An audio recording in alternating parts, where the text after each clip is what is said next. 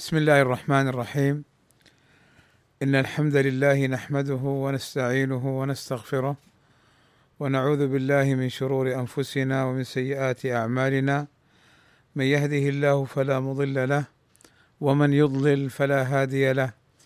وأشهد أن لا إله إلا الله وحده لا شريك له.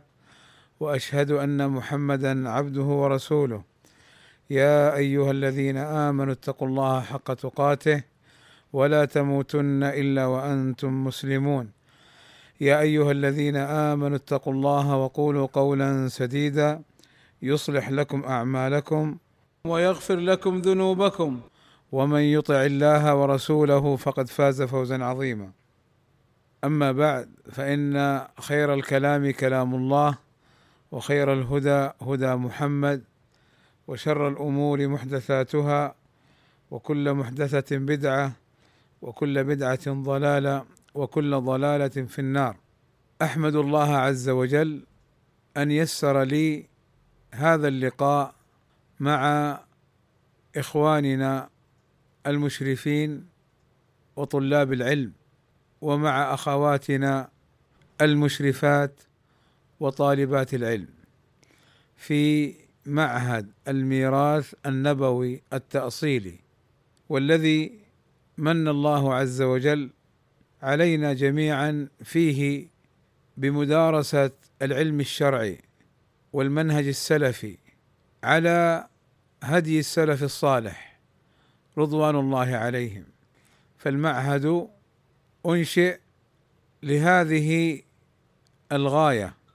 أعني طلب العلم الشرعي طلب منهج السلف الصالح التمسك به ورد الباطل على أهله لأنه كما هو معلوم أن المسلم يتعلم الحق ليعمل به ويعرف الباطل ليحذره ويحذر منه.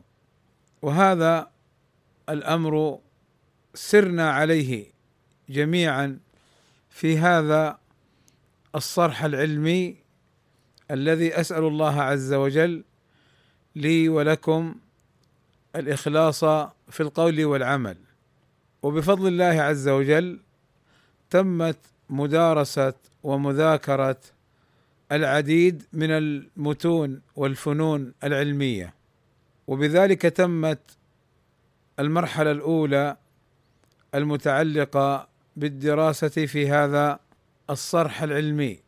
ثم لظرف قدره الله عز وجل علي توقفت عن الدروس والمحاضرات في هذا المعهد وذلك كما سبق لظروف الخاصة المتعلقة بي وعلاقتي بالمعهد وبالمشرفين ومن فيه من المشرفات بفضل الله عز وجل علاقة طيبة على السنة وعلى المنهج السلفي. وكنت حين توقفت ذكرت لكم فيما سبق أني إن شاء الله تعالى إن يسر الله عز وجل لي الرجوع للتدريس في هذا المعهد سأرجع. والحمد لله يسره الله لي.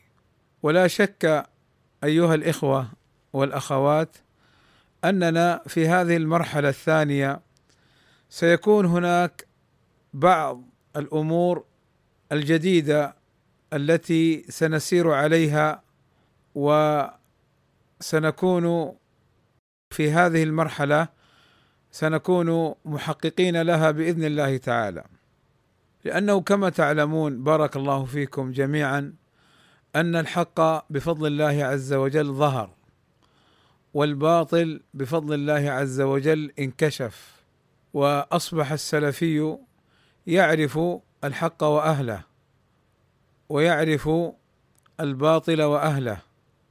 وكنا في المرحلة الماضية قد تدارسنا وتذاكرنا ما يتعلق بمثل هذه الأمور. وفي هذه المرحلة سيكون إن شاء الله عز وجل التركيز مع العلوم الشرعية التي سنتدارسها. سيكون التركيز على قواعد سلفية وقواعد تأصيلية تنفع السلفية بإذن الله تعالى في رد الشبه وفي رد الباطل لأن ندرك جميعا أن السلفي المتأصل المتحصن أنه إن شاء الله تعالى وبفضل من الله عز وجل سيكون قادرا على رد الشبهات وعلى إبطال البدع إذا وفقه الله عز وجل لذلك إلا من أتبع نفسه هواها. فهذا لا حيلة لنا فيه. إنك لا تهدي من أحببت ولكن الله يهدي من يشاء. فالهداية من جهة الإرشاد والدلالة هذه وظيفة الأنبياء ثم وظيفة أتباعهم من العلماء وطلاب العلم يدلون الناس ويرشدونهم. وأما التوفيق هداية التوفيق للاستجابة لهذا الخير وللحذر من ذاك الشر فهذا بيد الله عز وجل. فالأولى هداية الإرشاد والدلالة هي تجري تحت قوله تعالى وإنك لتهدي إلى صراط مستقيم. أي تدل وترشد الناس لذلك. أما هداية التوفيق والاستجابة فهي المراد في قوله تعالى إنك لا تهدي من أحببت. فالمسلم عليه البيان والنصيحة وعليه أن يدل الناس إلى ما يعرفه ويتعلمه من الخير.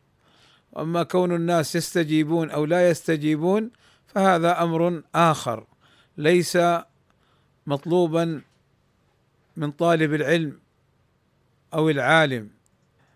والحمد لله أقولها حسب ما اطلعت عليه وحسب ما بلغني ورأيت في وسائل التواصل. كان موقف طلاب وطالبات معهد الميراث النبوي التأصيلي. كان موقفهم موقفا مشرفا في كثير من الفتن الماضية.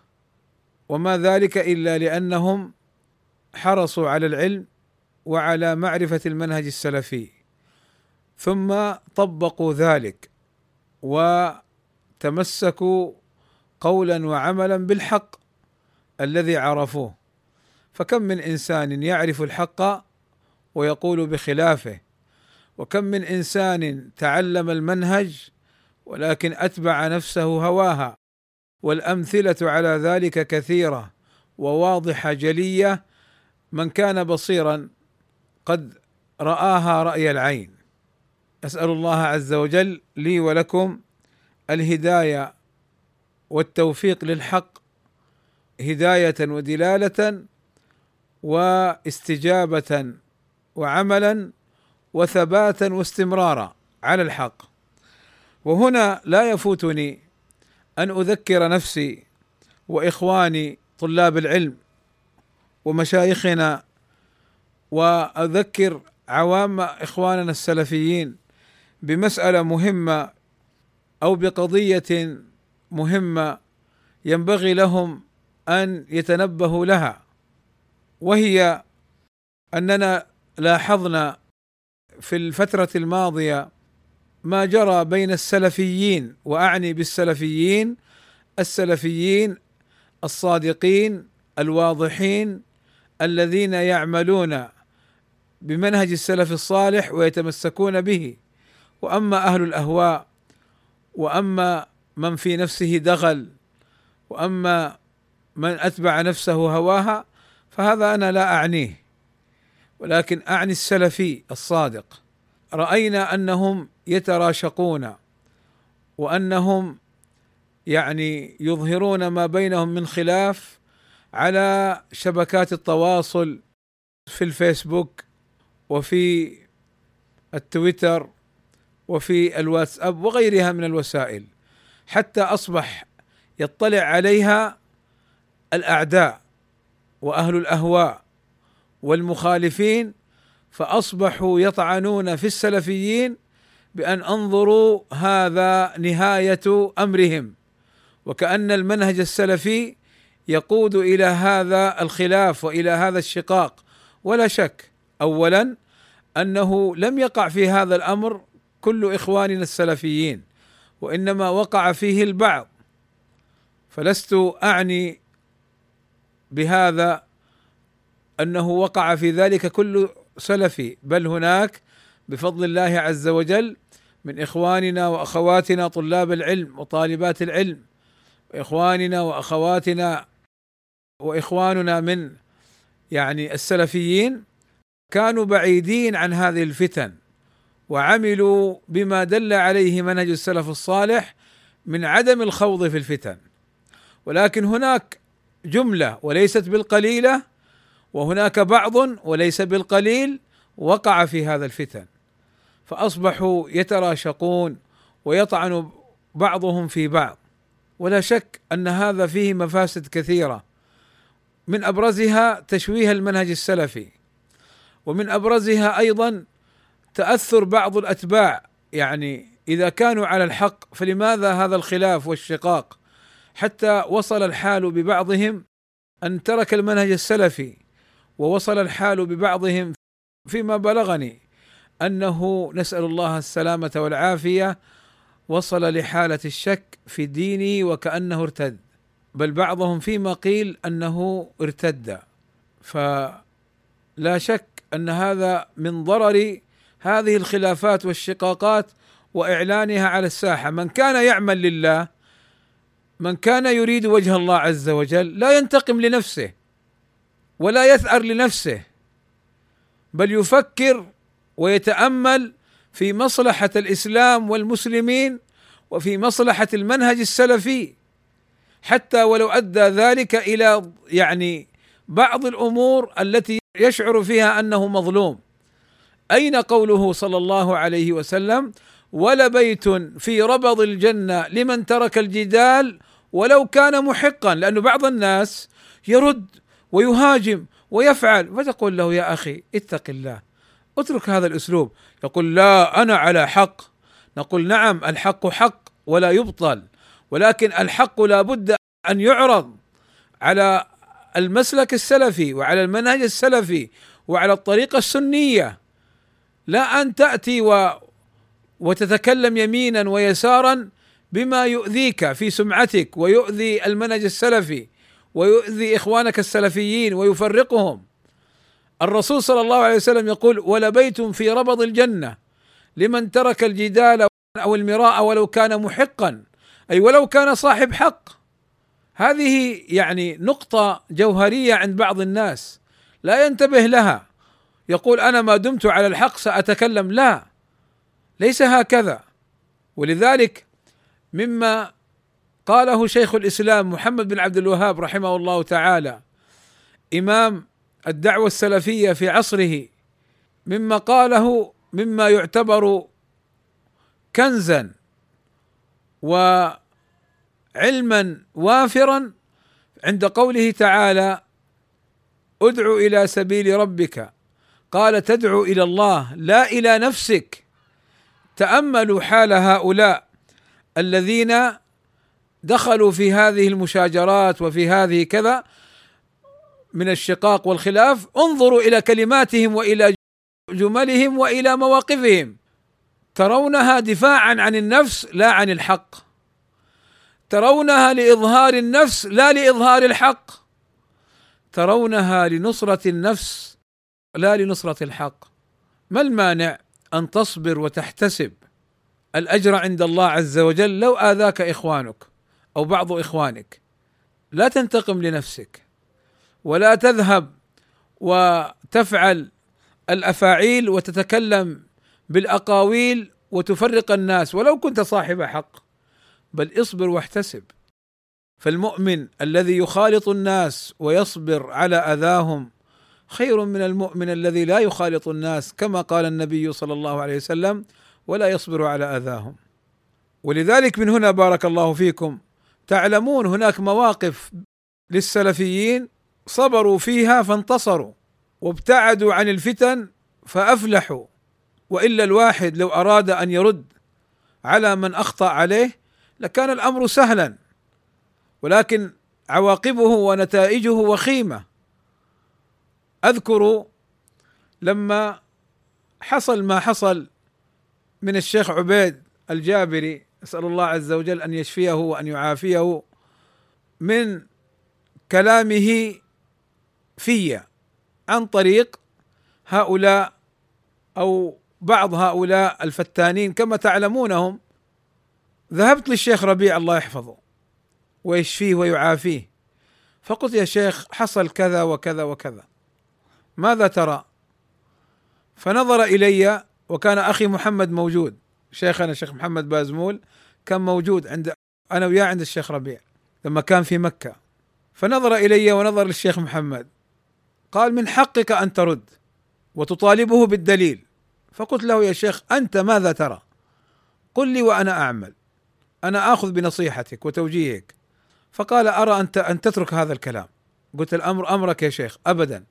توكلنا على الله فابتعدت عن أن أتكلم بكلمة في هذا الأمر وبفضل الله عز وجل الأمور مشيت وسلكت وعرف السلفيون أن ذاك الكلام آه، لم يكن حقا مع احترامنا للشيخ وحبنا وتقديرنا له ودعاؤنا له بالشفاء وبالخير. وانتهت المسألة. ما ما دخلت في أمور ومضاربات ومشاجرات مع هؤلاء. نعم رد الباطل ورد التأصيلات الباطلة غير قضية الدفاع عن النفس. رد القواعد التي يحمى بها الباطل وأهله غير قضية الدفاع عن النفس.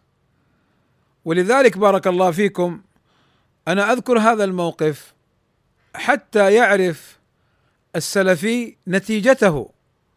أنا الآن أقولها وأنا يعلم الله أني مسرور جدا وأدعو للشيخ ربيع أن قال لي لا ترد لأني لو دخلت في هذا الباب سأدخل في صراعات مع بعض إخواننا السلفيين ما الفائدة؟ ثم يطلع على هذا عوام السلفيين ما الفائدة؟ ما الثمرة؟ نصرة النفس وإضاعة المنهج. فلذلك أنا أوصي نفسي وإخواني السلفيين عموما طلابا وعلماء. وعامة السلفيين أوصيهم أن يمسكوا أقلامهم وأن يكفوا أصواتهم وأن يصبروا ويحتسبوا ولا يخوضوا في مثل هذه المشاجرات التي ما أثمرت إلا السوء والتي هي في حقيقة أمرها مخالفة لمنهج السلف الصالح بل ومخالفة أيضا للحديث النبوي. فلذلك بارك الله فيكم في بداية هذا اللقاء والذي أسأل الله عز وجل أن يوفقني وإياكم للاستمرار على الحق وفي الحق وأن يهدينا لأحسن الأخلاق. لا يهدي لأحسنها إلا هو وأن يصرفنا عن سيء الأخلاق. لا يصرف عن سيئها إلا هو أنا أدعو إخواني جميعا إلى الكف والإمساك في الخوض في الفتن هذه. والصبر الصبر مر المذاق ولكن عاقبته حميدة. الصابر يوفى أجره بغير حساب. الصبر له منزلة عظيمة في الإسلام. هؤلاء الذين يتكلمون ولا يصبرون ما حققوا ما حققوا معاني الصبر ما حققوا معاني الأخوة ما حققوا ما يدل عليه المنهج السلفي. فأنا أدعو إلى العقل والحكمة وأن يكفوا ويكفوا أيضا أتباعهم. وللأسف أقولها بأسى ويكفوا المتعصبين لهم ويأمرونهم بإيقاف هذه الكتابات وتلك النزاعات والشقاقات التي ما أثمرت إلا السوء وما أثمرت إلا الفرقة وما أثمرت إلا تسلط الأعداء من أهل الأهواء وغيرهم على السلفيين شتما وسبا وعيبا. فالله الله في نصرة المنهج السلفي. بارك الله فيكم. كما تعلمون الإنسان يقدم نفسه لله عز وجل ويقدم روحه وماله لله عز وجل. فلماذا لا يصبر على أذى خفيف؟ كلام يذهب لأدراج الرياح. وأذكر من وصايا أخي محمد جزاه الله خيرا لي في بعض الأمور لما تحصل وكنت أراجعه فكان يقول لي يا أحمد اسمع هذه الخلافات بينكم لو خضت فيها وتكلمت حتى ولو قلت حقا لكنك تخوض فيها تفتح الباب لإثارة الفتن فاسكت تخمد الفتن. وفعلا بفضل الله عز وجل. سكت عن كثير من هذه الأمور بين إخواننا ممن نحبهم. ونعرف أنهم على الحق ولكن ظلموا وخاضوا في أمر لا ينبغي لهم ولكنهم على الجادة. في الحقيقة هم سلفيون. فأعقب ذلك محبة و وألفة وخمدا للفتن بفضل الله عز وجل.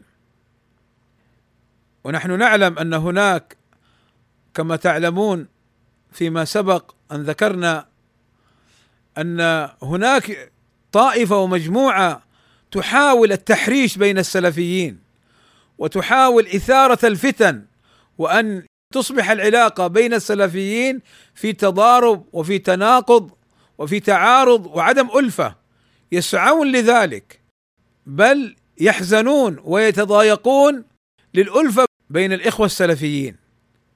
سبحان الله ما أشبه حالهم بحال ذاك الفتان الذي يحرص على الشقاق وال والفرقة، لا أريد أن أطيل وقد أطلت في هذه المقدمة ولكن أنا أظن بل وأعتقد أن هذه المقدمة لو اكتفيت بها وأغلقت الجلسة أنها بإذن الله تعالى تكف كثيرا من الشر.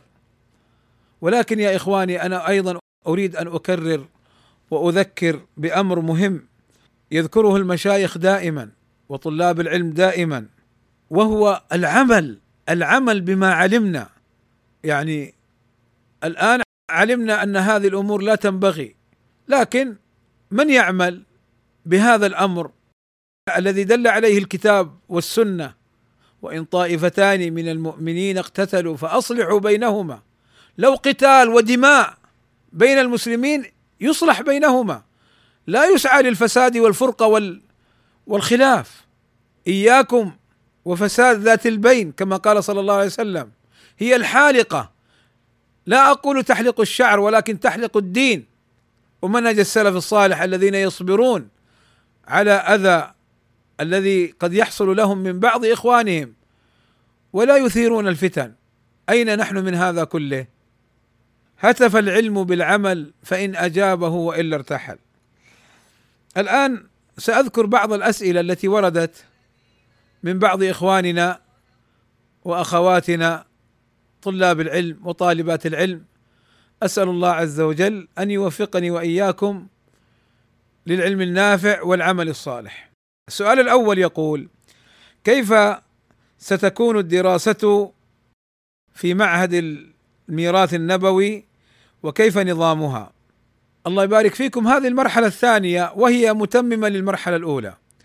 ولكن هذه المرحلة الثانية إن شاء الله تعالى سيكون هناك يعني مدارسة بعض العلوم الشرعية مثلا علوم القرآن سنعرف المكي والمدني وأسباب النزول وسنعرف مثلا أيضا في علوم القرآن ما يتعلق بكتابة القرآن وكيف جمع وما يتعلق أيضا بمثل هذه الأمور المتعلقة بعلوم القرآن. نحن درسنا أصول التفسير وأصول التفسير جزء من علوم القرآن. ففي هذه المرحلة سندخل إلى علوم القرآن والكتاب المرشح لهذا كتاب تهذيب وترتيب الإتقان في علوم القرآن. الإتقان للسيوطي وتهذيبه وترتيبه لشيخنا الشيخ محمد بن عمر بازمول حفظه الله تعالى. كذلك سندخل أيضا وسنتدارس أيضا بإذن الله تعالى علوم السنة ما يتعلق بمختلف الحديث ومشكل الحديث وما يتعلق أيضا بشرح الحديث وهناك كتاب في مجلدين لأخي محمد متعلق بهذا العلم ستتم إن شاء الله دراسته.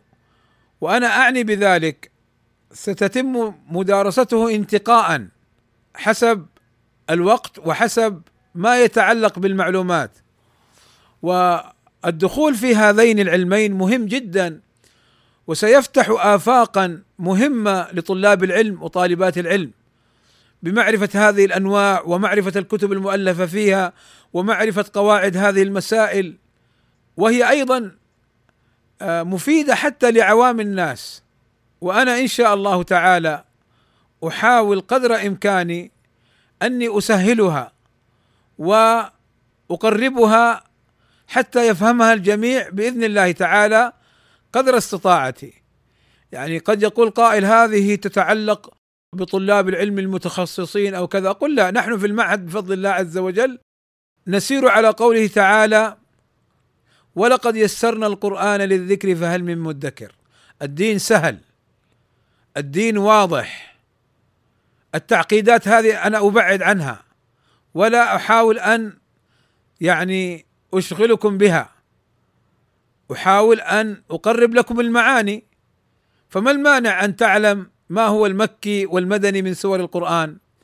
وما المانع أن تعرف قواعد علم مختلف الحديث؟ إلى غير ذلك. أيضا سيكون هناك بعض المواد كالمواريث وعلم التخريج ودراسة الأسانيد وأيضا آه، هناك بعض الأبواب وبعض المعلومات المتعلقة بالبلاغة مما يحتاج إليه طالب العلم ومما هو يسهل ويفتح آفاق في معرفة السنة وفي معرفة القرآن لأن القرآن نزل بلسان العرب والقرآن فيه من البلاغة أعلاها وقمتها وهو في أعلى درجات إعجازه في هذا الباب. حتى أعجز فصحاء وبلغاء العرب أن يأتوا بشيء مثله. فهذه الأمور إن شاء الله ستكون المدارسة والمذاكرة فيها. كذلك أيضا ستكون هناك محاضرات كالعادة في موضوعات تتعلق بالأخلاق والآداب الشرعية. وأعني بالأخلاق والآداب الشرعية أي التي علمناها النبي صلى الله عليه وسلم والتي وردت في الكتاب والسنة وكان عليها سلف الأمة. ولا أعني بالآداب والأخلاق ما يتعارف عليه بعض الناس من عادات وتقاليد حتى بعضها قد تكون مخالفة للكتاب والسنة ومنهج السلف الصالح. يعني تذكرون ان أننا كنا نتناقش ونتذاكر في مسألة التعصب للشيوخ وأننا نأخذ بكل أقوالهم وأن هذا من الأدب مع الشيوخ. لا لا لا. لا تغالط ولا تغير الحقائق. الأدب من الشيخ أن تأخذ الحق الذي عنده. الأدب مع الشيخ أنه إذا تبين لك أن كلامه ليس بحق أن لا تأخذه هذا الأدب. وأما أن تأخذ ما يقوله الشيخ حقا كان أو باطلا فأنت أصلا جعلت الشيخ معصوما وهذا باطل من القول. ثم أنت جعلت نفسك كالأعمى وكالأبلة وكالصبي الذي لا يفرق بين الحق والباطل. هل ترضى لنفسك بهذه الأوصاف؟ ولذلك هناك بعض الآداب وسنردها إن شاء الله في في حينها وفي مناسباتها بعض الآداب التي يدندن حولها بعض هؤلاء الناس الذين لا يميزون بين الحق والباطل هي باطلة.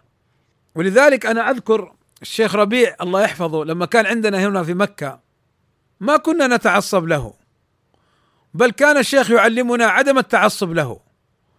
وكان يقول لنا إذا أخذتم قولي فخذوه بدليله.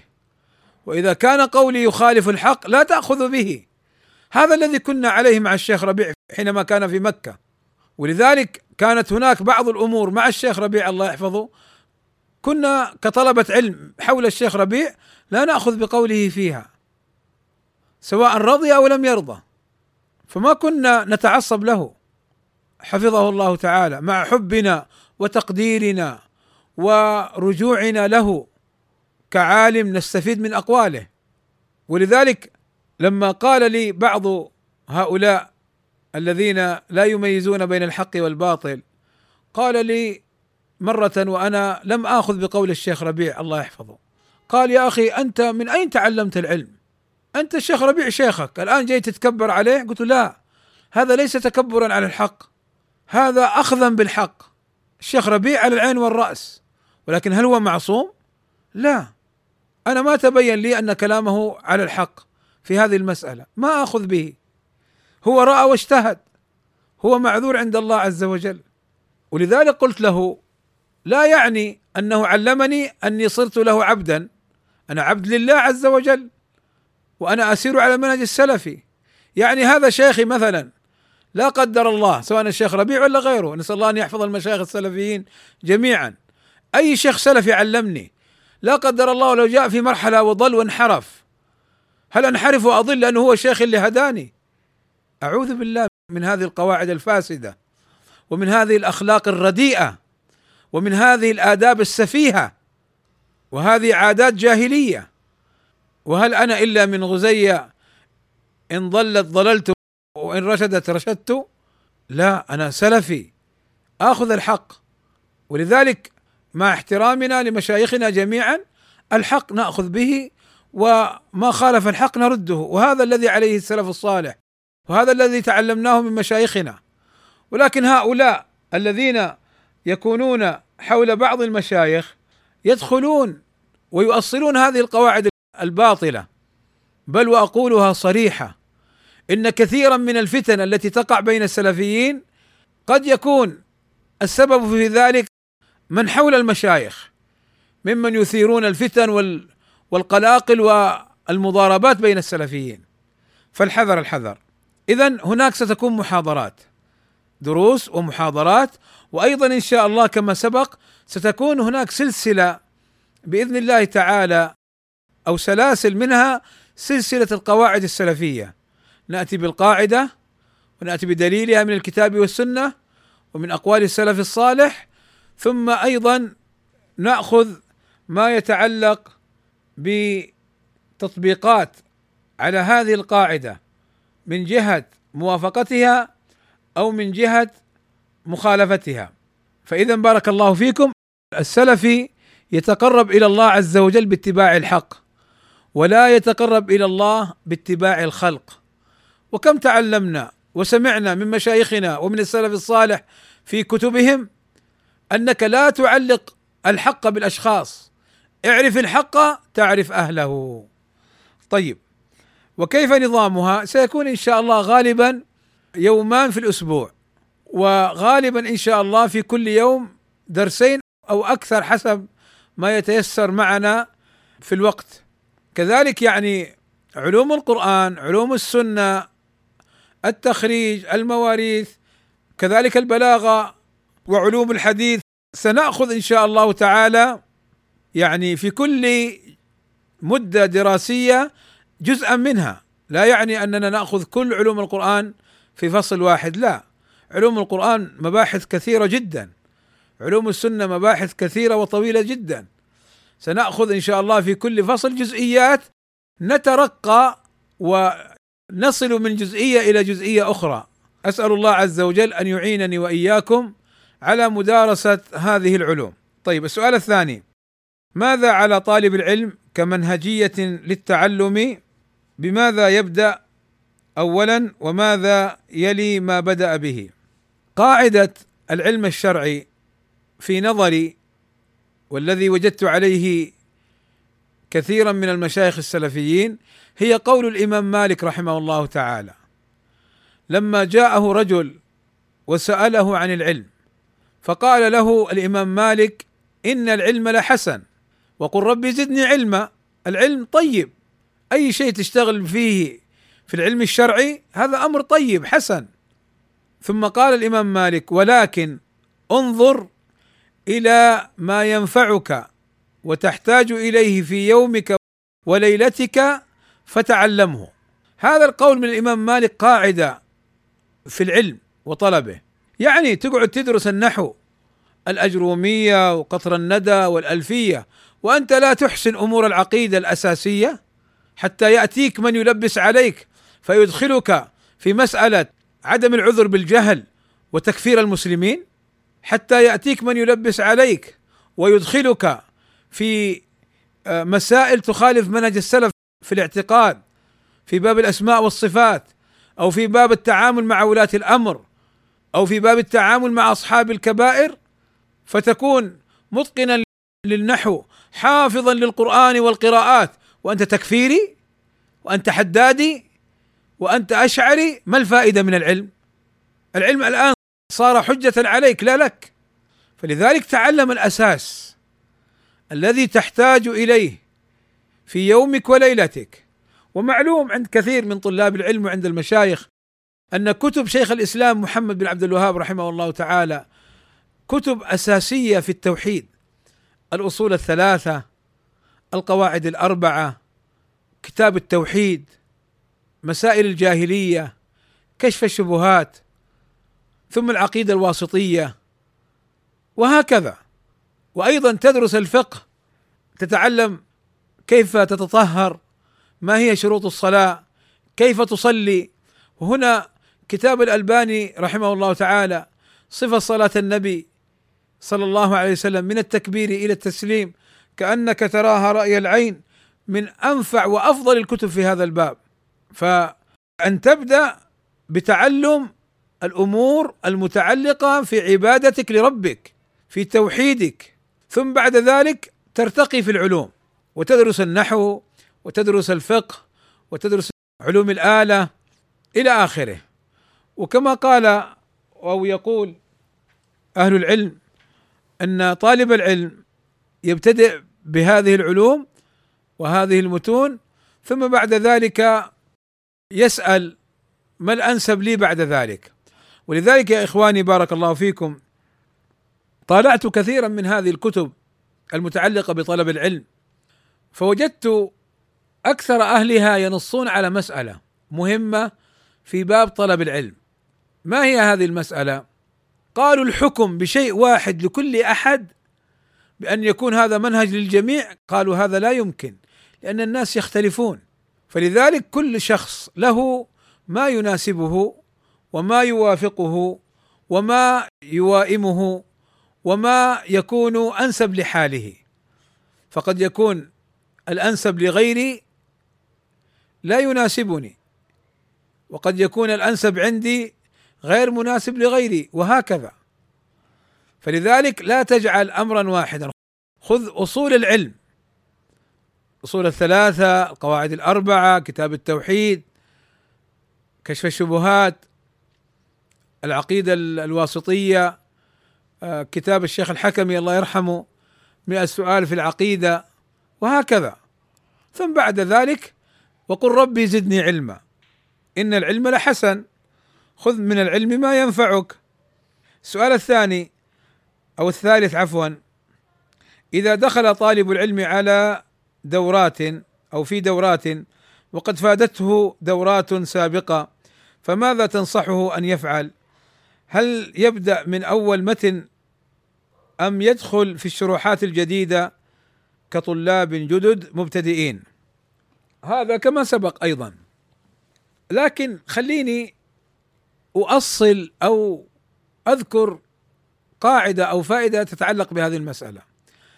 نعم العالم الرباني كما جاء عن بعض السلف قال هو الذي يعلم الناس صغار المسائل قبل كبارها يعني أن العالم الذي يدخل طالب العلم المبتدئ في مسائل دقيقة ومسائل تحتاج إلى أمور قبلها هذا ليس عالم رباني. قيل لذلك سمي رباني أنه يربي المسلم على المسائل الصغار ومعنى الصغار يترقى به. فاذا هذه قضية مهمة.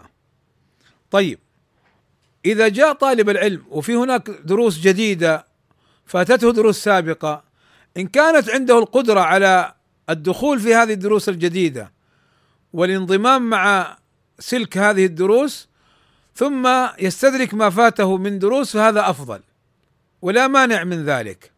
وأما إذا كانت هذه الدروس الجديدة بالنسبة له صعبة أو لا يستطيع أن يفهمها أو وقته ضيق أن يدرس الجديد أو الحاضر مع استدراك الفائت فهنا نقول له لا استدرك الفائت حتى تؤصل عندك قاعدة ثم تبني عليها الدروس. العلم كما قال بعض السلف وأظنه الزهري العلم شعاب وأودية.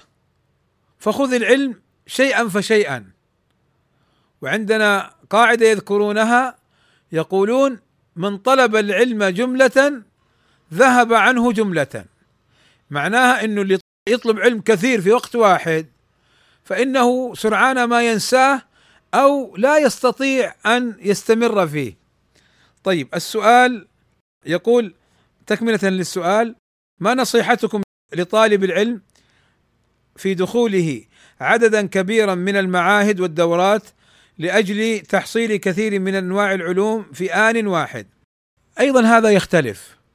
هناك يعني من طلاب العلم من عنده القدرة على أن يحضر عدة دروس في اليوم الواحد من التفرغ للعلم ومن غير ذلك حتى يذكر عن النووي رحمه الله تعالى أنه كان له أكثر من أربعة عشر درسا في اليوم الواحد النووي. لكن هذا كما قال أهل العلم يعني لا يتأتى ولا يحصل ولا يتيسر لكل أحد. فنحن أيضا رأينا بعض زملائنا وبعض طلاب العلم رأيناهم دخلوا في دروس كثيرة يبدأ عند هذا الشيخ المتن. مثلا في التوحيد ثم يأتي شيخ آخر ويفتح درسا جديدا فيترك هذا ويذهب هنا. ثم يأتي آخر فيترك هذا ويذهب لهذا. فلا حصل ولا كمل ولا أثمر ولا أنتج إلا مسلما مثقفا لم يدرك أو لم يحصل من العلوم ما يحتاج إليه. فأنت انظر في المعاهد المعهد الذي يناسبك في أوقاته في دروسه في ما يتعلق بهذه الأمور ثم واصل فيه انضم إليه وواصل فيه. إذا انتهيت منه المعاهد إن شاء الله مستمرة. إذا رأيت نفسك تحتاج أيضا تروح وتدخل معهدا اخر أو دورة أخرى. أما أن تكثر على نفسك فيكون حالك كخراش. خراش رجل أراد أن يصيد ضبعا فرأى ضبعا كثيرا فما استطاع أن يصيد واحدا منها. أصبح يضرب هنا ويضرب هنا ويضرب هنا ويفر هذا ويفر هذا. فلا هو صاد واحدا ولا هو أمسك كثيرا.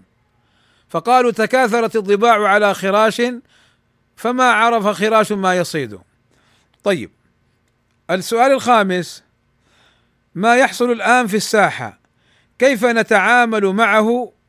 هل نلزم السكوت أم أن نخوض فيه؟ الجواب بارك الله فيكم لعله في الكلام السابق كان جوابا أو جزءا من الجواب لهذا السؤال. من جهة الإمساك وعدم الردود العلنية بين السلفيين انتصارا للنفس وانتصارا للشيوخ وتعصبا لهم ويعني عدم تمسك بالحق. أنا لا أعني الجميع ولكن بصورة ظاهرة. أما الجواب عن هذا السؤال تكملة لما سبق فهنا أذكر نفسي وإخواني بقول النبي صلى الله عليه وسلم إن السعيد لمن جنب الفتن. إن السعيد لمن جنب الفتن. إن السعيد لمن جنب الفتن. كررها صلى الله عليه وسلم ثلاث مرات. يقول صلى الله عليه وسلم السعيد الناجي. المرتاح في دينه وفي نفسه. لمن جنب يعني كان في جنب مبتعد عن الفتن. ويقول صلى الله عليه وسلم احرص على ما ينفعك. هل ينفعك أن تسب فلان أو أن تنصر فلان؟ هل ينفعك أن تشغل ليلك ونهارك بالردود والمخاصمات بين أهل الحق؟ هل ينفعك أن تثير الفتنة وأن تكون أنت راسا فيها؟ لأن تكون ذنبا في الحق خير من أن تكون راسا في الباطل. وأنا أذكر هنا فائدة وهي تعتبر قاعدة يذكرها العلماء كابن تيمية وغيره يقولون وانتبهوا لهذه الفائدة هي دقيقة. يقولون لا نعلم احدا دخل في الفتنة وخرج منها سالما. ولذلك نسمع من كثير من إخواننا الذين دخلوا في الفتن وبعد انتهاء الفتن هو سلفي يقول يا أخي تغيرت ما عدني زي أول ما عاد عندي الحرص على طلب العلم أصبحت أشك في بعض الأمور. إيش العلاج؟ العلاج إنك أصلا ما تدخل الفتن. العلاج أن تتقي الله في نفسك وفي إخوانك المسلمين. العلاج أن تعلم أن الفتنة لا يعرفها كل أحد. إنما يعرفها من يتقن العلم بعض من يتقن العلم. فإذا ذهبت الفتنة عرفها كل أحد. فلماذا تدخل في الفتنة؟ أيضا أذكر نفسي وإخواني بقول النبي صلى الله عليه وسلم في الحديث المشهور من حسن إسلام المرء تركه ما لا يعنيه. ولذلك سبق أن ذكرنا أن هذه الأمور الخوض فيها ما أثمر إلا انتشار الباطل وإضعاف الحق والفرقة والشقاق بين أهل الحق هل هذا هو المقصود؟ هل تريد أن تضيع دينك؟ والله الشيخ الفلاني أو الشيخ الفلاني ما ينفعوك إذا ضيعت دينك ولا أنت مسؤول عنهم ولا أنت مسؤول عن الفتنة يعني البعض سبحان الله يترك الحق ويترك الخير ويسعى في الفتنة والأحاديث دلت على البعد عن الفتن وأن لا يكون الإنسان ساعيا فيها ولا ماشيا إليها ولا قائما فيها وأن يجتنبها. وهؤلاء يظنون أنفسهم عنتر بن شداد ويخوضون هذه الفتن. حتى عنتر بن شداد نفسه فيما نقل عنه أنه يعني يقول أنا أضربهم وأغلبهم إذا كانوا متفرقين أما إذا اجتمعوا علي غلبوني. فاذا لا تغتر بقوتك ولا تغتر بأتباعك ولا تغتر بنفسك. فالفتنة إن حلت والمصيبة إن نزلت والتغير بأن تعرف ما كنت تنكر وتنكر ما كنت تعرف فما النجاة من ذلك؟ ولذلك ما يحصل في الساحة الآن ومستقبلا. وفي الماضي هذا علاجه. الإمساك والصبر وعدم الخوض. وسؤال الله عز وجل أن يجنبك الفتن وأن يهديك ويهدي إخوانك إلى الحق. أما المضاربات والمناوشات والمهاترات ما تثمر إلا الشر. السؤال السادس. بماذا ترد على الطلبة الذين يتعصبون لمشايخهم ويحصل بينهم نزاعات قوية الجواب مر فيما سبق أيضا جواب على هذا السؤال ولكن الرد على هؤلاء بأمور الأمر الأول بقوله تعالى فاستقم كما أمرت هل هذا التعصب من الاستقامة ولزوم الحق؟ الجواب لا. وبقول النبي صلى الله عليه وسلم لما جاء رجل يوصيه قال له صلى الله عليه وسلم: قل آمنت بالله ثم استقم. إيش معنى استقم؟ معناه سر على الصراط المستقيم بأن تتبع الحق وتسير عليه ولا تتبع الخلق وتتعصب لهم أذكرهم بقول النبي صلى الله عليه وسلم من قال في مؤمن ما ليس فيه أسكنه الله ردغه الخبال ورضغة الخبال عصارة أهل النار هؤلاء الذين يتعصبون للمشايخ ينصرونهم ويطعنون في المشايخ الآخرين حتى يصل ببعضهم إلى الكذب والافتراء. أرد على هؤلاء بأن أقول لهم إنه هذا ليس هو المنهج السلفي الذي التزمت به وتمسكت به. هذا حال أهل الجاهلية الذين يتعصبون. أقول له الشيخ يوم القيامة لن ينصرك. إذا كان أبوك وأمك وأخوك وأختك وزوجك وولدك يوم القيامة يفرون منك. فكيف بالشيخ؟ هل مطلوب منك أن تنصر الخلق أم أن تنصر الحق وتتمسك به؟ ومطلوب منك أن تبتعد عن الفتن. مطلوب منك عدم التعصب. هل تعلم أنك إذا تعصبت لشيخ كأنك تزعم وكأنك تقول بأنه معصوم؟ فأشبهت حال الصوفية وحال الروافض هل ترضى أيها السلفي لنفسك بهذه المنزلة الرديئة؟ وشيخك إذا رضي بتعصبك فقد شاركك في هذا الباب. لأن الواجب على المشايخ الذين يجدون طلابهم يتعصبون لهم أن يردعوهم وأن يكفوهم وأن يحذروهم لا أن يفرحوا ولا أن يتبختروا ولا أن يستمروا في الباطل. وأنتم تعلمون قصصا وتسمعون وتتذكرون قصصا مضت في بعض المتصدرين الذين نفخوهم من حولهم وتعصبوا لهم حتى أصبح في خبر كان بل في خبر ضل. نسأل الله السلامة والعافية. ضل وغوى ولا اهتدى ولا ارعوى طيب السؤال السابع. طبعا أيضا أقول لهؤلاء ما سبق. تأمل في موقفك في التعصب والنزاعات ما الذي يعود على المنهج السلفي وعلى السلفيين؟ وما الذي يعود على سمعتك وسمعة الحق وأهله؟ طيب السؤال السابع. نرجو توضيح كيف يكون الموقف في المسائل الخلافية الفقهية. سواء فيما بين العلماء أو فيما بين عموم السلفيين ومتى يسوغ الخلاف ومتى لا يسوغ.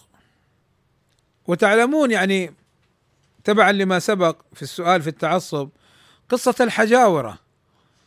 الحجوري كما يذكر لي بعض إخواننا من طلاب العلم كان طالب علم جيد وكان مستفيد ثم تعصبوا له ورضي بتعصبهم حتى قيل أنه إذا يعني أذيب شحمه ودمه لكان كذا وكذا وحتى قيل أنه يعني علامة الجن والإنس حتى قيل وقيل من الكلام الذي لم يقل في كبار الصحابة تعصب وغلو إياكم والغلو هل هذا هو المنهج السلفي؟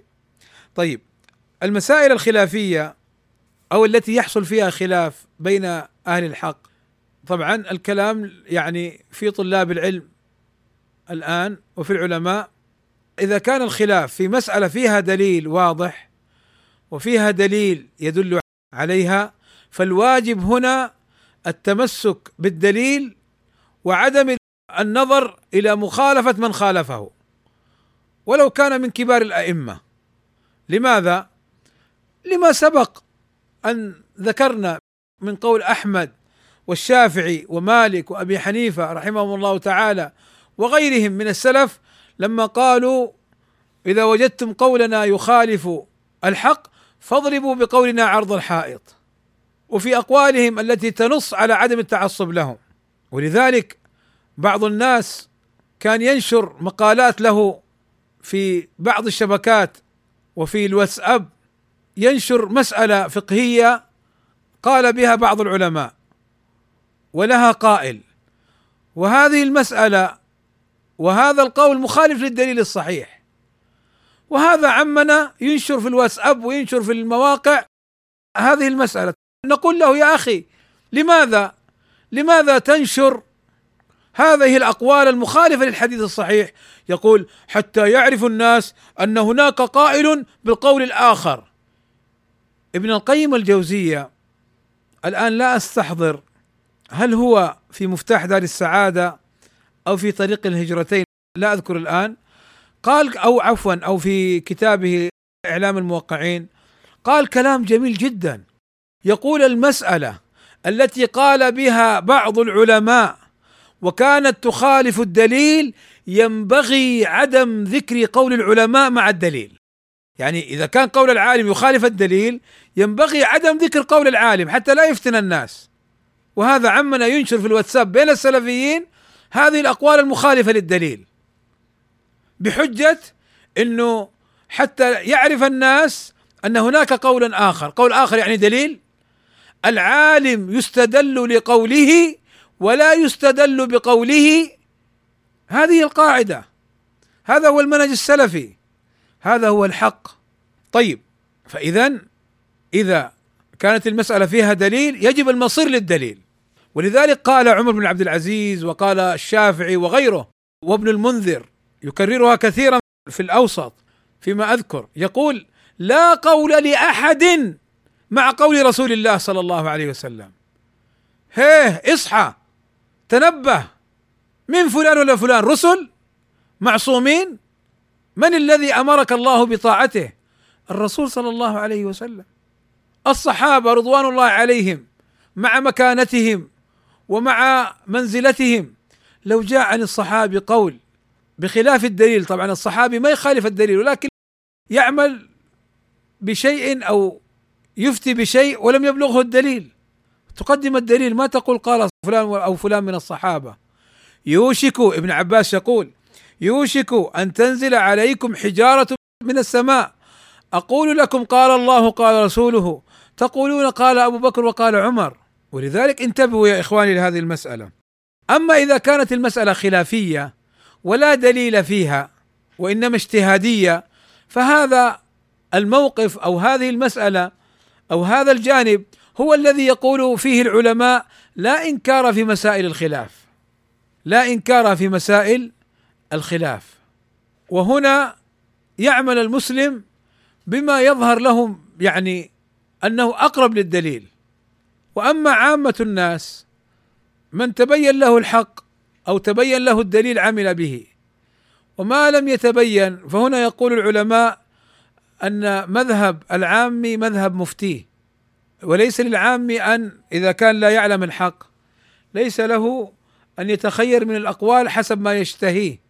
وطبعا هذه المسألة أعني الخلافية يعني حيدخلها باب التعصب وباب ال يعني خاصة قضية وصف العالم وهذا أيضا يتعلق بالجواب السابق في التعصب. أحيانا ألقاب كبيرة يوصف بها البعض ويهول في شأنه. قال ابن عباس رضي الله عنهما ويل للأتباع من عثرات العالم. قيل وكيف ذاك؟ قال يقول العالم شيئا برأيه ثم يجد من هو أعلم منه برسول الله صلى الله عليه وسلم فيترك قوله ذلك ثم يمضي الأتباع. ذكره ابن تيمية في الفتاوى الكبرى. اذا بارك الله فيكم. هذا هو الموقف. لو سرنا عليه والله لقل أو انعدم الخلاف بإذن الله. ولكن للأسف بعضهم يأتي ويتعصب في المسائل التي فيها دليل فيترك الدليل لقول هذا العالم فيحصل الشقاق. اعلموا إخواني في مسألة مهمة أيضا أذكرها لكم الآن. اعلموا أن من ترك الحق ابتلي باتباع الباطل. من ترك الحق وهو يعلمه. ابتلي باتباع الباطل واعلموا أن من ترك الحق وهو يعلمه أنه يحصل له في قلبه وفي نفسه دغل شيئا فشيئا يرتقي حتى ينحرف فلماذا؟ لماذا نترك الحق ولماذا نخالفه؟ طيب السؤال الثامن هل لطالب العلم المبتدئ أن يشتغل بمتابعة الردود؟ نحن قلنا فيما سبق أن طالب العلم المبتدئ عليه أن يتعلم ما يحتاج إليه في يومه وليلته ولا يدخل في المسائل الدقيقة التي قد لا يبلغها عقله وقلبه. وأما إذا تأهل وعنده القدرة على الاستفادة من ردود أهل العلم على الباطل وأهله دون أن يشتغل في هذا الباب إلا بعد أن يتأهل فلا مانع من ذلك. فإن كتب الردود كما ذكر شيخنا النجمي رحمه الله تعالى وكذلك غيره من أهل العلم كتب الردود فيها فوائد فيها تأصيلات فيها معرفة وجه الحق ومعرفة وجه الباطل فيها يعني أشياء. ونعني بكتب الردود الكتب التي كتبها العلماء والتي أثنى عليها العلماء والكتب التي كتبها السلفي الواضح السلفي الصادق. ولا نعني بكتب الردود مطلق من كتب. بارك الله فيكم. فالمبتدئ يشتغل بما ينفعه. كما قال صلى الله عليه وسلم احرص على ما ينفعك. الردود هذا أمر لاحق. الردود بعد أن تتعلم ما تحتاج إليه ممكن أن تنتقل إليها. لا تذم كتب الردود ابدا. ولكن الذي يذم أن طالب العلم الذي لم يتأهل والذي لم يتعلم ما يحتاج إليه أن يشتغل بالردود ويشتغل بكتب الردود ويهتم بذلك وهو لا يعرف يصلي ولا يعرف يتوضأ ولا يعرف المهم من مسائل العقيدة. إذا تعلم أو كان يتعلم هذه الأمور وفي أثنائها طالع أو استفاد من بعض كتب الردود لا مانع من ذلك. ولكن أن تكون شغله الشاغل خطأ. ولكن أن يكون عقله لا يبلغ كتب الردود خطأ قراءتها. هذا الذي يظهر والله أعلم. السؤال التاسع. يقول ما نوع الردود التي يجب على طالب العلم أن يهتم بها لحماية نفسه من المناهج الدخيلة؟ الجواب عن هذا أن يقال اولا نقول من العلماء؟ من الذي تقرأ ردوده؟ نقول تقرأ ردود العلماء السلفيين علماء أهل السنة الصادقين العلماء المميزين بين الحق والباطل لأنه أحيانا الواحد يرد وهو لا يميز بين الحق والباطل. فيحصل في كلامه خلط ويحصل في كلامه عدم تمييز بين الحق والباطل. نحن نعرف بعض العلماء يعني إذا رد حصل في كلامه وفي رده شيء من الغلط. ولا داعي للدخول الأمثلة فالأمثلة مشهورة معلومة. فالمهم أن تحرص على العالم المحقق المدقق. على العالم بل والله أحيانا يكون طالب علم ويكون إنسان مستفيد. سمع العلماء قرأ الكتب حصل العلم فيكون عنده من العلم ومن الاتباع للحق. ما ليس عند إنسان طالب علم يزعم أنه درس عند العلماء عشرات السنين. انتبهوا أنا الآن لما يعني أقول طلب العلم والقراءة على المشايخ هذا الأصل. ولكن هذا الأصل لا يعني إنه طالب العلم بهذه الصورة هو المحق وأنك لا تأخذ العلم من رجل تعلم بسماع ومجالسة العلماء وقرأ وشهد العلماء له أن هذا يعني لا يؤخذ منه العلم انتبهوا ليس هذا المراد. والله رأينا نماذج من طلاب العلم الذين كانوا يطلبون العلم سنوات لا يستطيعون التمييز بين الحق والباطل ورأينا من كان مستفيدا بمجالسة العلماء وبقراءة الكتب و وتميز باتباع الحق والمنهج السلف الصالح فكان كلامه للحق ناصرا وللباطل رادا فالانتباه لذلك.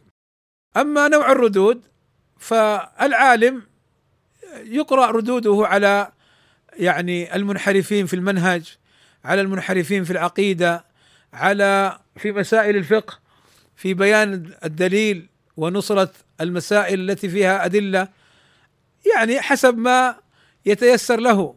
ومن العلماء المبرزين في هذا العصر في الرد على يعني أهل الباطل كما تعلمون الشيخ أحمد النجمي رحمه الله تعالى طبعا ابن باز الله يرحمه ابن عثيمين الله يرحمه الألباني الله يرحمه رحمة الله عليهم الشيخ زيد رحمهم الله جميعا.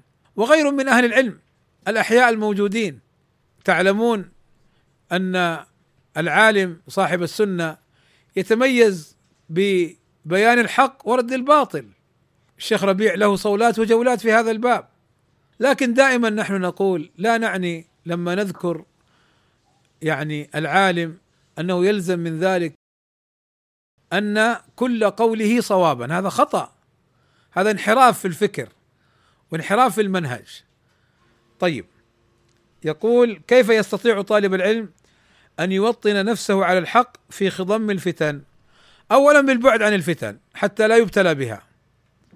ثانيا أن يعلق قلبه بالله وبرضا الله عز وجل لا رضا الخلق ولا رضا نفسه ولا رضا شيخه أن يعلق نفسه برضا الله. كما دلت السنة على أن من أسخط الناس في رضا الله رضي الله عنه وأرضى عنه الناس. ومن أسخط الله في رضا الناس سخط الله عليه وأسخط الناس عليه. أو كما قال صلى الله عليه وسلم يوطن نفسه بأن يعلم أنه سلفي ومعنى السلفية اتباع الحق لا اتباع الخلق. أن يوطن نفسه بأن يعلم أن التعصب للأشخاص من أفعال الجاهلية. أن يوطن نفسه أنه في تعصبه للأشخاص أنه مسؤول ومؤاخذ على هذا الأمر عند الله عز وجل. أن يوطن نفسه أنه إذا تعصب للأشخاص فإنه يبتلى برد الحق. أن يوطن نفسه بأن يكون مع أهل الحق والدعاء. أن يسأل الله عز وجل اللهم رب جبرائيل وميكائيل وإسرافيل فاطر السماوات والأرض. كما في الحديث اهدني لما اختلف فيه من الحق بإذنك. أو كما قال عليه الصلاة والسلام. أن يوطن نفسه أنه متى ظهر الحق عمل به. ولا يتردد. السؤال الحادي عشر. هل يشترط على طالب العلم أن يلتزم جهة من جهات الخلاف بين العلماء لما يكون الكل سلفي؟ الجواب لا. واشتراط هذا الأمر بدعة وضلال وتحزب وانحراف. وإلزام الناس بذلك كما يقول شيخ الإسلام ابن تيمية رحمه الله تعالى إلزام الناس بأمر اجتهادي ضلال وانحراف. طالب العلم والسلفي يكون مع جميع إخوانه لا يتحيز لفئة دون فئة ويبتعد عن الخلاف ويبتعد عن الفرقة ويبتعد عن الفتنة. وأما أن تكون مع شيخي والا فأنت مبتدع ضال أو أنت منحرف. أنت مع فلان أو فلان. هذا الامتحان هو الامتحان البدعي الذي نص عليه العلماء في كتب المنهج. أما امتحان أهل البدع فليس هو الامتحان البدعي. أما امتحان السلفي بمثل هذه الأمور هذا الامتحان المبتدع. فينبغي لنا أن ندرك هذه الأمور. بارك الله فيكم. وأن نعلم أن السلفي ليس شرطا له ولا يجب عليه ولا يستحب له أن ينحاز إلى فئة دون فئة. انظروا إلى قوله صلى الله عليه وسلم اللهم رب جبرائيل وميكائيل وإسرافيل فاطر السماوات والأرض عالم الغيب والشهادة. أنت تحكم بين عبادك فيما كانوا فيه يختلفون. اهدني لما اختلف فيه من الحق بإذنك إنك تهدي من تشاء إلى صراط مستقيم. هذا دعاء نبوي. أما الواحد يتعصب لرأيه ويتعصب لشيخه ويتعصب هذا حقيقة أمر يندى له الجبين. طيب السؤال الأخير ماذا تنصحنا في هذه الفتن التي في الساحة؟ وماذا على طالب العلم فعله؟ وكيف يتصرف مع من يدعوه ويلزمه لأن يكون مع طرف دون طرف؟ أقول هذا السؤال جوابه سبق ولكن سأعلق عليه باختصار. اولا الفتن التي في الساحة بين السلفيين كما سبق ابتعد عنها ولا تخض فيها واشتغل بما ينفعك يا عبد الله. اشتغل بما ينفعك علم الناس الخير الذي تعلمته علمهم. إذا سمعت واحد يحلف بغير الله قل له لا تحلف بغير الله. إذا سمعت واحد يقول أو مثلا يتتبع هؤلاء الذين يقولون ببرجك اليوم أو الكهانة علموا أن هذا لا يجوز. إذا شفت إنسان لا يحسن الوضوء علموا أنه الصفة هكذا وهكذا في السنة. لا تشتغل بالفتن. هذا الذي على طالب العلم فعله أن يبتعد وأن يعلم الناس الخير. وأما من يدعوه ويلزمه لأن يكون مع طرف دون طرف فهنا نقول له قل له يا أخي اتق الله. تقول لهذا الذي يدعوك اتق الله. هذا الذي تدعو إليه أمر غير شرعي. هذا الذي تدعو إليه يؤدي إلى الفتنة والفرقة. أنت تحب الشيخ أنت تؤذيه بهذا الفعل. بتعصبك له بنصرتك لباطله. أنت تريد المنهج السلفي هذا يخالف المنهج السلفي. تقول له ونقول لهذا الذي يدعو الناس إلى هذا الأمر والتحيز والتعصب لفئة دون فئة ويمتحن الناس نقول له هذا الأمر يعود عليك بالفتنة أنت في نفسك وفي دينك وقد يصل إلى أهل بيتك يتأثرون بفتنتك فتكون ممن دعا إلى وزر فعليك وزرك ووزر من عمل به بعدك. يا جماعة الخير اتقوا الله في أنفسكم اتقوا الله في دين الله عز وجل اتقوا الله في المنهج السلفي. تعجب من بعض الناس كيف أنه للأسف أقولها كيف أنه كالثور الهائج لا تكاد لا تستطيع أن توقفه. لا تستطيع ابدا. يا فلان اصبر. يا فلان اسكت. يا فلان هذا غير صحيح. ابدا. ردود ومقالات و يعني واحد جاني في رمضان اتصل بي في رمضان.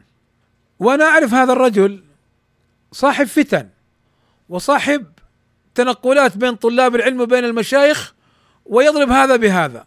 فلم يعني أرد عليه ولم أكلمه. قلت في نفسي لو جاءني إما أن يخرج مني بكلمة أنا لا أقصدها وإما أن ينقل عني كلاما أنا لم أقله وإما أن يحصل شيء لا تحمد عقباه.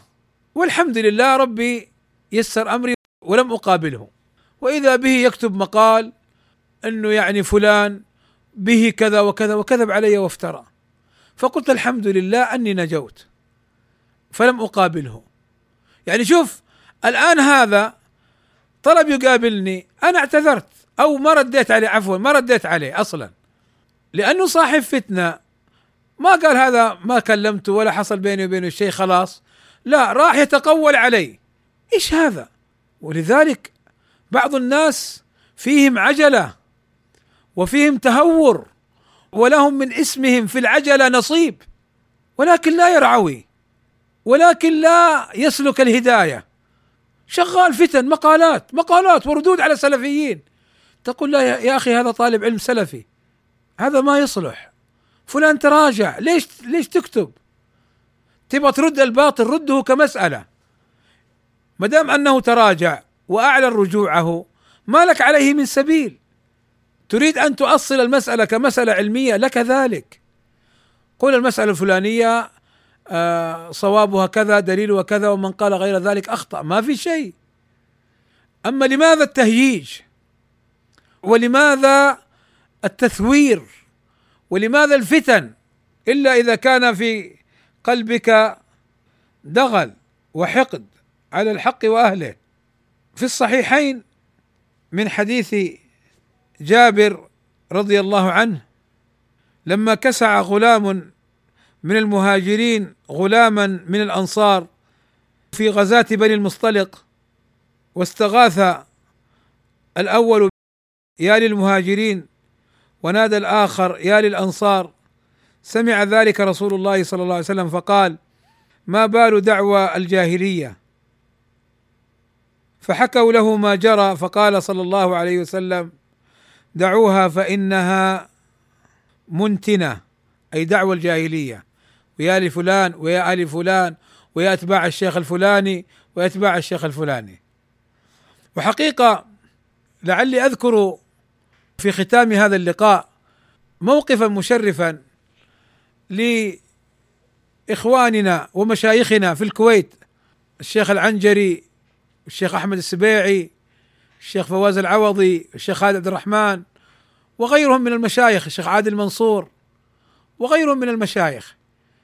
رحم الله الشيخ زيد الدوسري. كذلك كان كذلك. والله يا إخواني أمام عيني وتعلمت منهم واستفدت منهم أنهم تأتيهم والله سباب ويعني ظلم كالجبال وهم والله لا يلتفتون إليه. ولا يرفعون رأسا له بل يمضون في دعوتهم وفي نصرة الحق وأهله. وطبعا من أهل الباطل ومن من يدعي أنه مع السلفيين فلا يخوضون في ذلك ويصبرون. والحمد لله أمورهم ماشية ودعوتنا قائمة واستفاد كثير من الناس. حتى يعني تعجب منهم كثير من السلفيين. كيف أنه عندهم من الصبر الشيء الكبير. الشيخ رزيق القرشي أيضا حفظه الله تعالى. يعني أنا أيضا استفدت منه كثيرا في المواقف وكثير ما كان مثلا يناصحني وأتناصح معه ويوجهني. وكذلك مشايخ النهج الواضح. هذا مثال. سكتوا عن الخلاف والشقاق والفتن وصبروا. هل ضرهم شيء؟ لا والله دعوتهم قائمة. ويثني عليهم السلفيون في مشارق الأرض ومغاربها. وما خاضوا في الفتن وهم قادرون. عندهم من الاطلاع وعندهم من العلم وعندهم من القدرة بإذن الله تعالى على الرد. ولكن لا المنهج السلفي إن السعيد لمن جنب الفتن. فهم سعداء. أسأل الله عز وجل أن يجزيهم كل خير وأن يثبتهم على ما هم عليه وأن ينصر الحق الذي معهم. أن ينصرهم وأن ينصر الحق الذي معهم. والله لا نتعصب لهم ولا نتعصب لغيرهم. الشيخ ربيع الله يحفظه. شيخنا في مكة. والله نحبه ونقدره وتعلمنا منه. ولكن والله ما تعصبنا له. ابدا. ولما جاءني أحد يريدني كما سبق أن أتعصب للشيخ ربيع قلت له يا أخي أنا لماذا سلفي؟ هل أنا سلفي متعصب؟ أنا سلفي اتبعت الحق. وقلت له يا أخي بارك الله فيك. ترى نحن نعرف أنا وإخواني نعرف المنهج السلفي قبل ان نلقى الشيخ ربيع. نعرفه من الشيخ الألباني ومن الشيخ بن باز ومن الشيخ العثيمين رحمه الله تعالى. أما أن نتعصب أو أما أن ندخل في الفتن أما أن يعني ننصر الباطل أما أن نثور الأمور ونهيجها لا والله. في الحديث عن النبي صلى الله عليه وسلم لما قال يعني في زمن الفتن خذ غنمك واذهب بها إلى الجبال كما في البخاري حيث قال صلى الله عليه وسلم يوشك أن يكون خير مال المسلم غنم يتبع بها شغف الجبال ومواقع القطر أي المطر يفر بدينه من الفتن وفي صحيح مسلم عن أبي سعيد الخدري رضي الله عنه أن رجلا أتى النبي صلى الله عليه وسلم فقال أي الناس أفضل؟ فقال صلى الله عليه وسلم رجل يجاهد في سبيل الله بماله ونفسه. قال ثم من؟ قال مؤمن في شعب من الشعاب يعبد الله ربه ويدع الناس من شره. وأيضا في الحديث الآخر عن النبي صلى الله عليه وسلم لما ذكر ذاك الرجل يعني الصحابي رضي الله عنه له أن يوصيه فأوصاه بفعل الخير. ثم قال يا رسول الله فإن لم يستطع؟ فقال كف الناس عن شرك فهو صدقة لك. والله هذا الذي يتعصب ويثير الفتن ويحزب الناس و آه، يعني يكتب هنا وها هنا. والله ما كف شره عن الناس. إخواني بارك الله فيكم أعتذر أعتذر أعتذر عن الإطالة وكنت أنوي أن تكون البداية يعني في وقت يسير ولكن آه، أنا معذور. اولا شوقا لكم وشوقا للحديث معكم فيعلم الله أني أحبكم في الله عز وجل. وثانيا آه، كان انقطاعي عن المعهد طبعا ليس انقطاع بمعنى انفصال عنه ومعاداة له كما يزعم بعض الناس ابدا ولكن كما سبق لشغلي ولبعض الظروف الخاصة بي. طال وكلما طال الوقت بين الأحبة كلما عسر على المحب أن يقلل كلامه. أيضا الأسئلة في موضوعات مهمة رأينا ما يندى له الجبين في الأيام والشهور الماضية يعني للأسف أن يقع هذا بين عامة السلفيين وأشد اسفا أن يقع بين طلاب العلم وأشد اسفا أن يقع من من نأمل فيه من المتصدرين من السلفيين. ولكن كما يقال ليس العيب أن تخطئ فكل بني آدم خطاء. ولكن العيب والمؤاخذة أن تستمر على الخطأ بعد أن تعرفه. أسأل الله عز وجل أن يحفظني وإياكم من الفتن ما ظهر منها وما بطن. وأسأله سبحانه وتعالى أن يوفقني وإياكم للعلم النافع والعمل الصالح. وأسأله سبحانه وتعالى أن يرحم من مات من إخواننا وأخواتنا المسلمين والمسلمات وأن يرحم آباءنا وأمهاتنا وكل غال وقريب لنا. أسأله سبحانه وتعالى أن يشفي مرضانا ومرضى المسلمين وأن يكشف الكرب ويزيل الهم والغم. وآخر دعوانا أن الحمد لله رب العالمين والصلاة والسلام على المبعوث رحمة للعالمين وعلى آله وصحبه الطيبين الطاهرين. والسلام عليكم ورحمة الله وبركاته.